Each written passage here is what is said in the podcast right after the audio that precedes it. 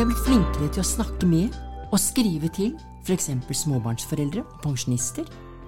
Men har vi en like god dialog med arbeidsgiverne vi er helt avhengig av for å gi mennesker muligheter? Forstår arbeidsgiverne Nav og hva vi kan hjelpe med?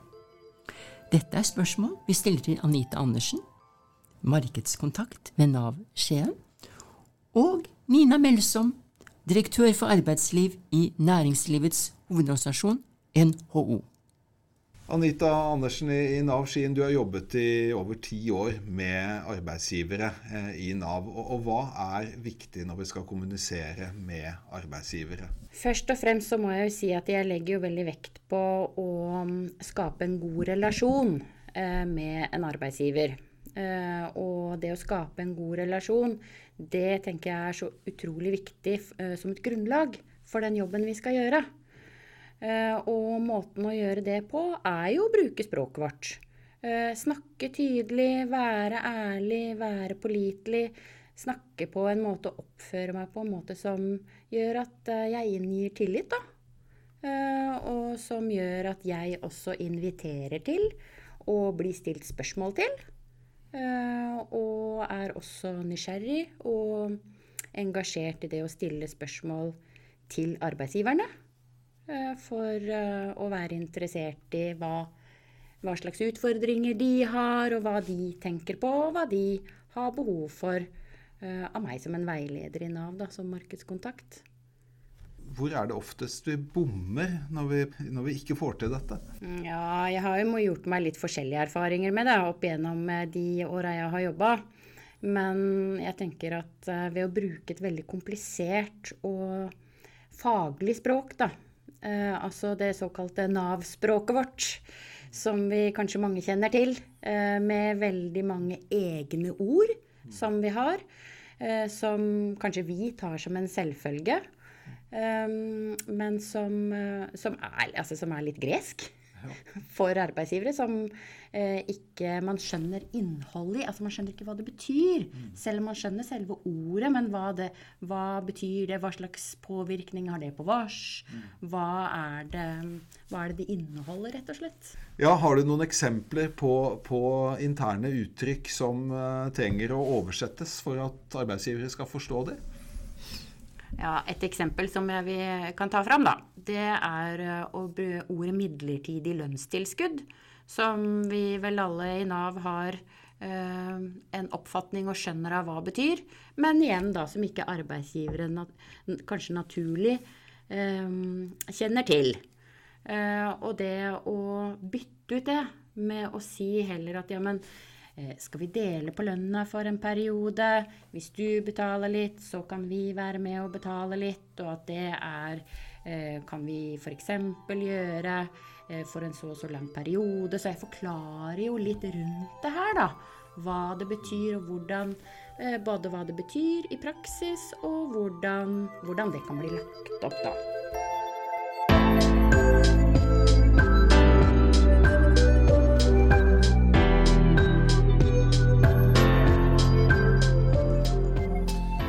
Ja, eh, Nina, velkommen til studio. Og nå hører vi eh, det Anita Andersen eh, ved Nav Skien forteller her. Og midlertidig lønnstilskudd er ett eksempel. Men er det mange tilfeller der arbeidsgiverne rett og slett trenger oversettelser for å forstå hva vi i Nav kan tilby dem?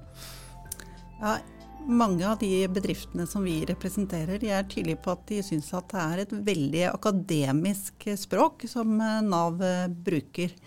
Eh, må huske at eh, 92 av våre medlemsbedrifter har færre enn 50 ansatte.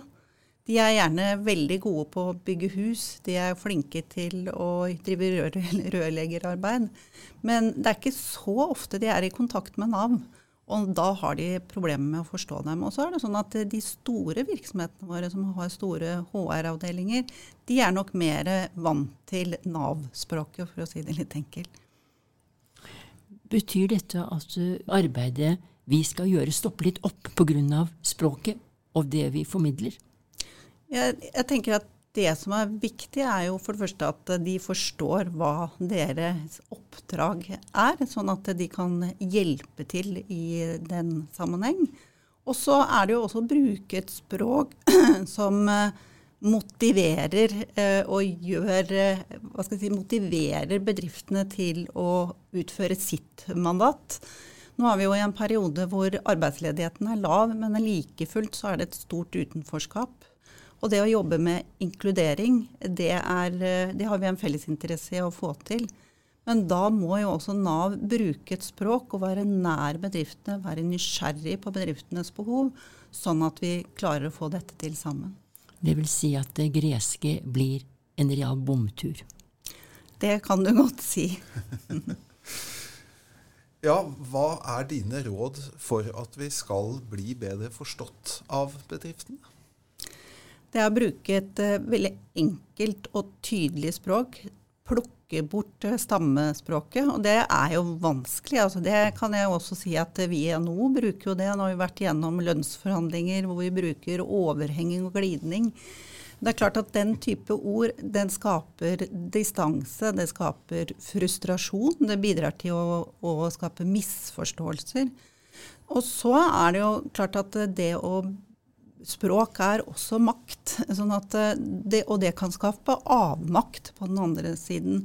Så klarer man å bruke et uh, enklere språk, så tror jeg også at uh, man, man, får et bedre omdømme. Det bygger et positivt omdømme. Det vil spare tid for Nav, fordi da unngår man misforståelser. Nina, du har snakket med arbeidsgivere før du kom hit i studio. Hvilke tilbakemeldinger har du fått konkret? Har du noen eksempler? Jeg har ett eksempel som jeg kan uh, vise til. Det er jo at uh, dere har, På hjemmesiden står det om melding om massepermittering ved streik.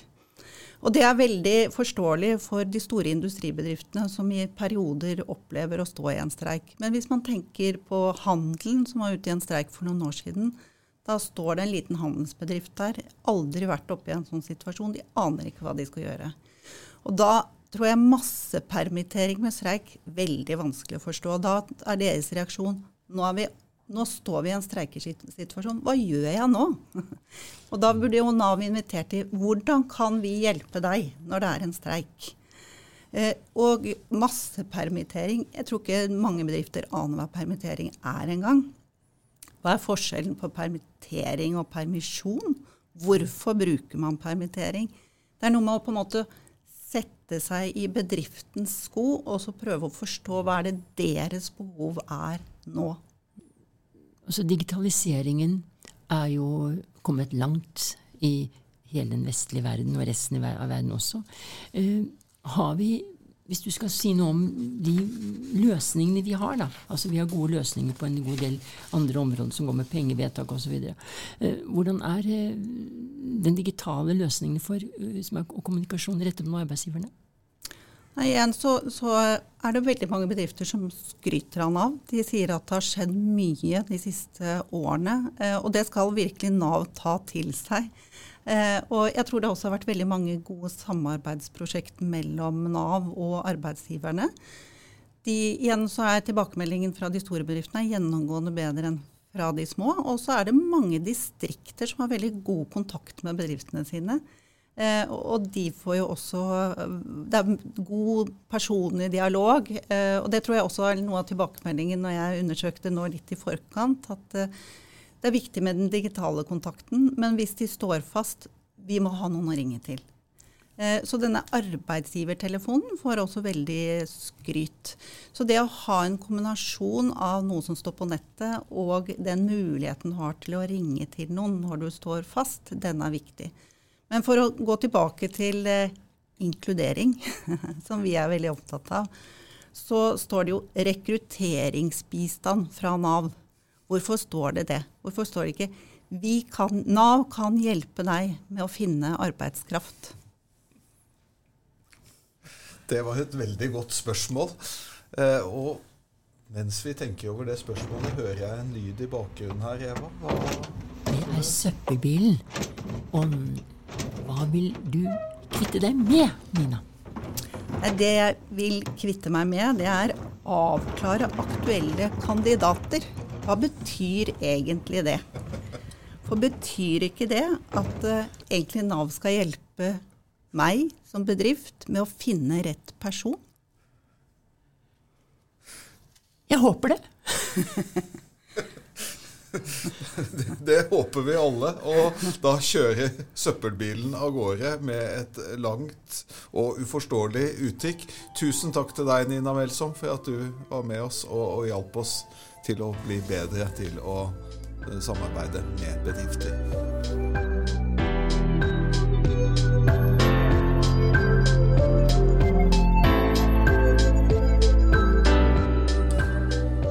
Da har vi fått våre to faste gjester inn i studio. Velkommen eh, Åse Vettås og Hans Christian Holte. Og, og, nå har dere altså møtt eh, Anita Andersen ved Nav eh, Skien og, og Nina Melsom fra, fra NHO. Og ja, Nina Melsom forteller at det store flertallet av arbeidsgiverne har under 50 ansatte, mens uh, hun oppfatter mye av Navs kommunikasjon med arbeidsgiverne til å være tilpasset de større bedriftene som har egen HR-avdeling og det vi kanskje kan kalle et konsulentspråk. Er det en klassisk tabbe å bomme på denne måten på målgruppen i kommunikasjonen?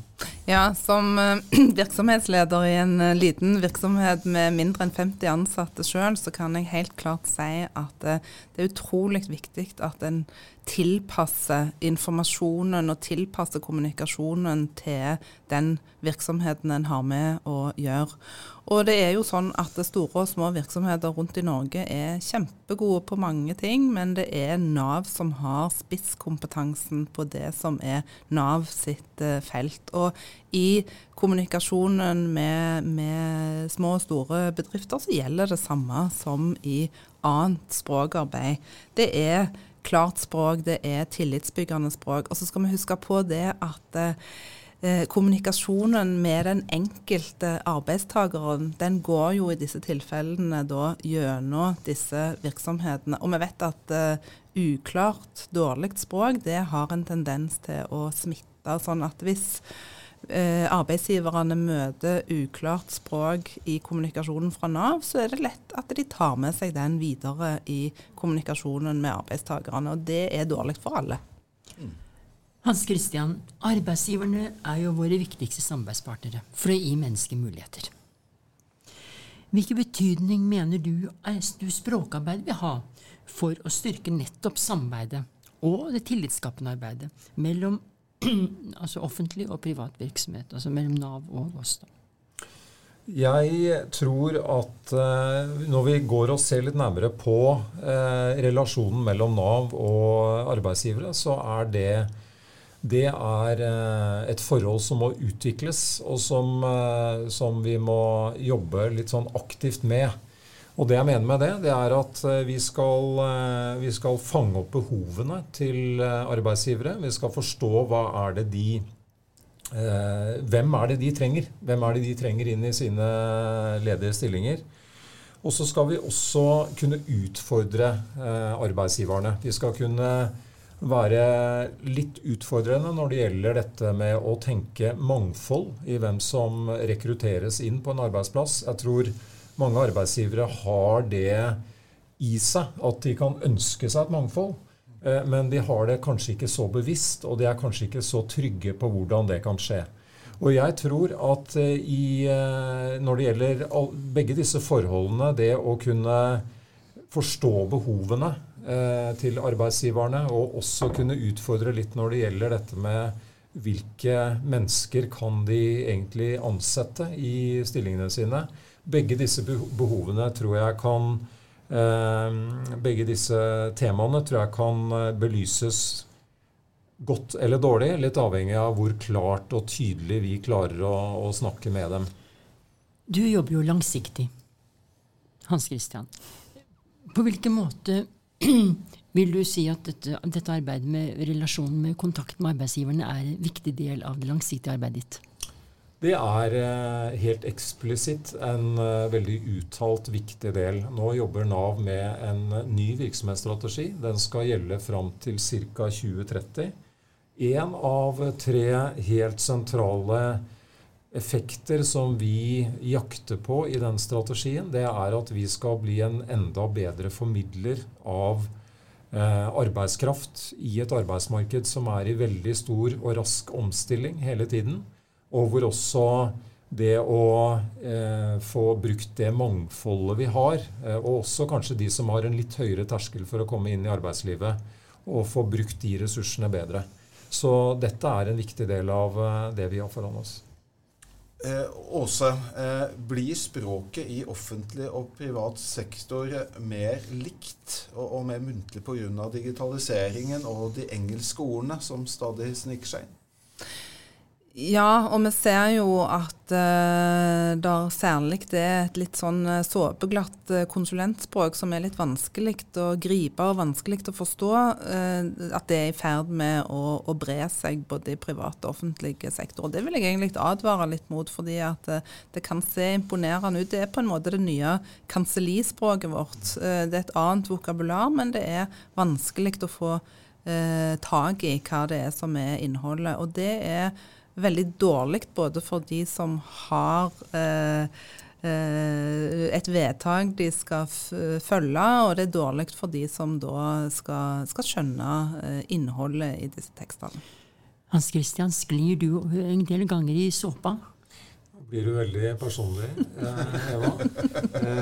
Jeg tror det er noe vi må passe på, rett og slett. Og det er veldig fint at eh, Åse er så tydelig på, på dette som en fare. Eh, fordi jeg tror ikke nødvendigvis det kommer av digitalisering, men det er, eh, og dette kunne vi snakke om et helt program eller to, tror jeg. fordi hvor kommer dette nye konsulentspråket fra? Hvor kommer disse sånn floskelaktige F.eks.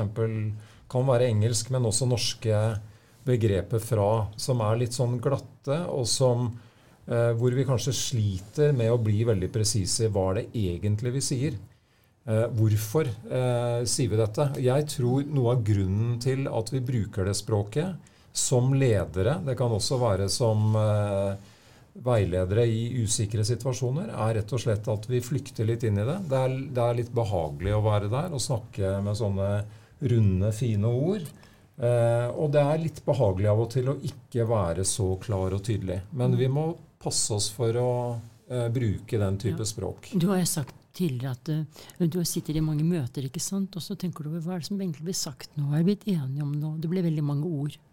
Ja, ja jeg tror som uh, møteleder på ledermøtet i Nav f.eks., så er noe av det jeg prøver å være bevisst på, er nettopp når vi skal trekke konklusjoner, altså at vi blir presise nok.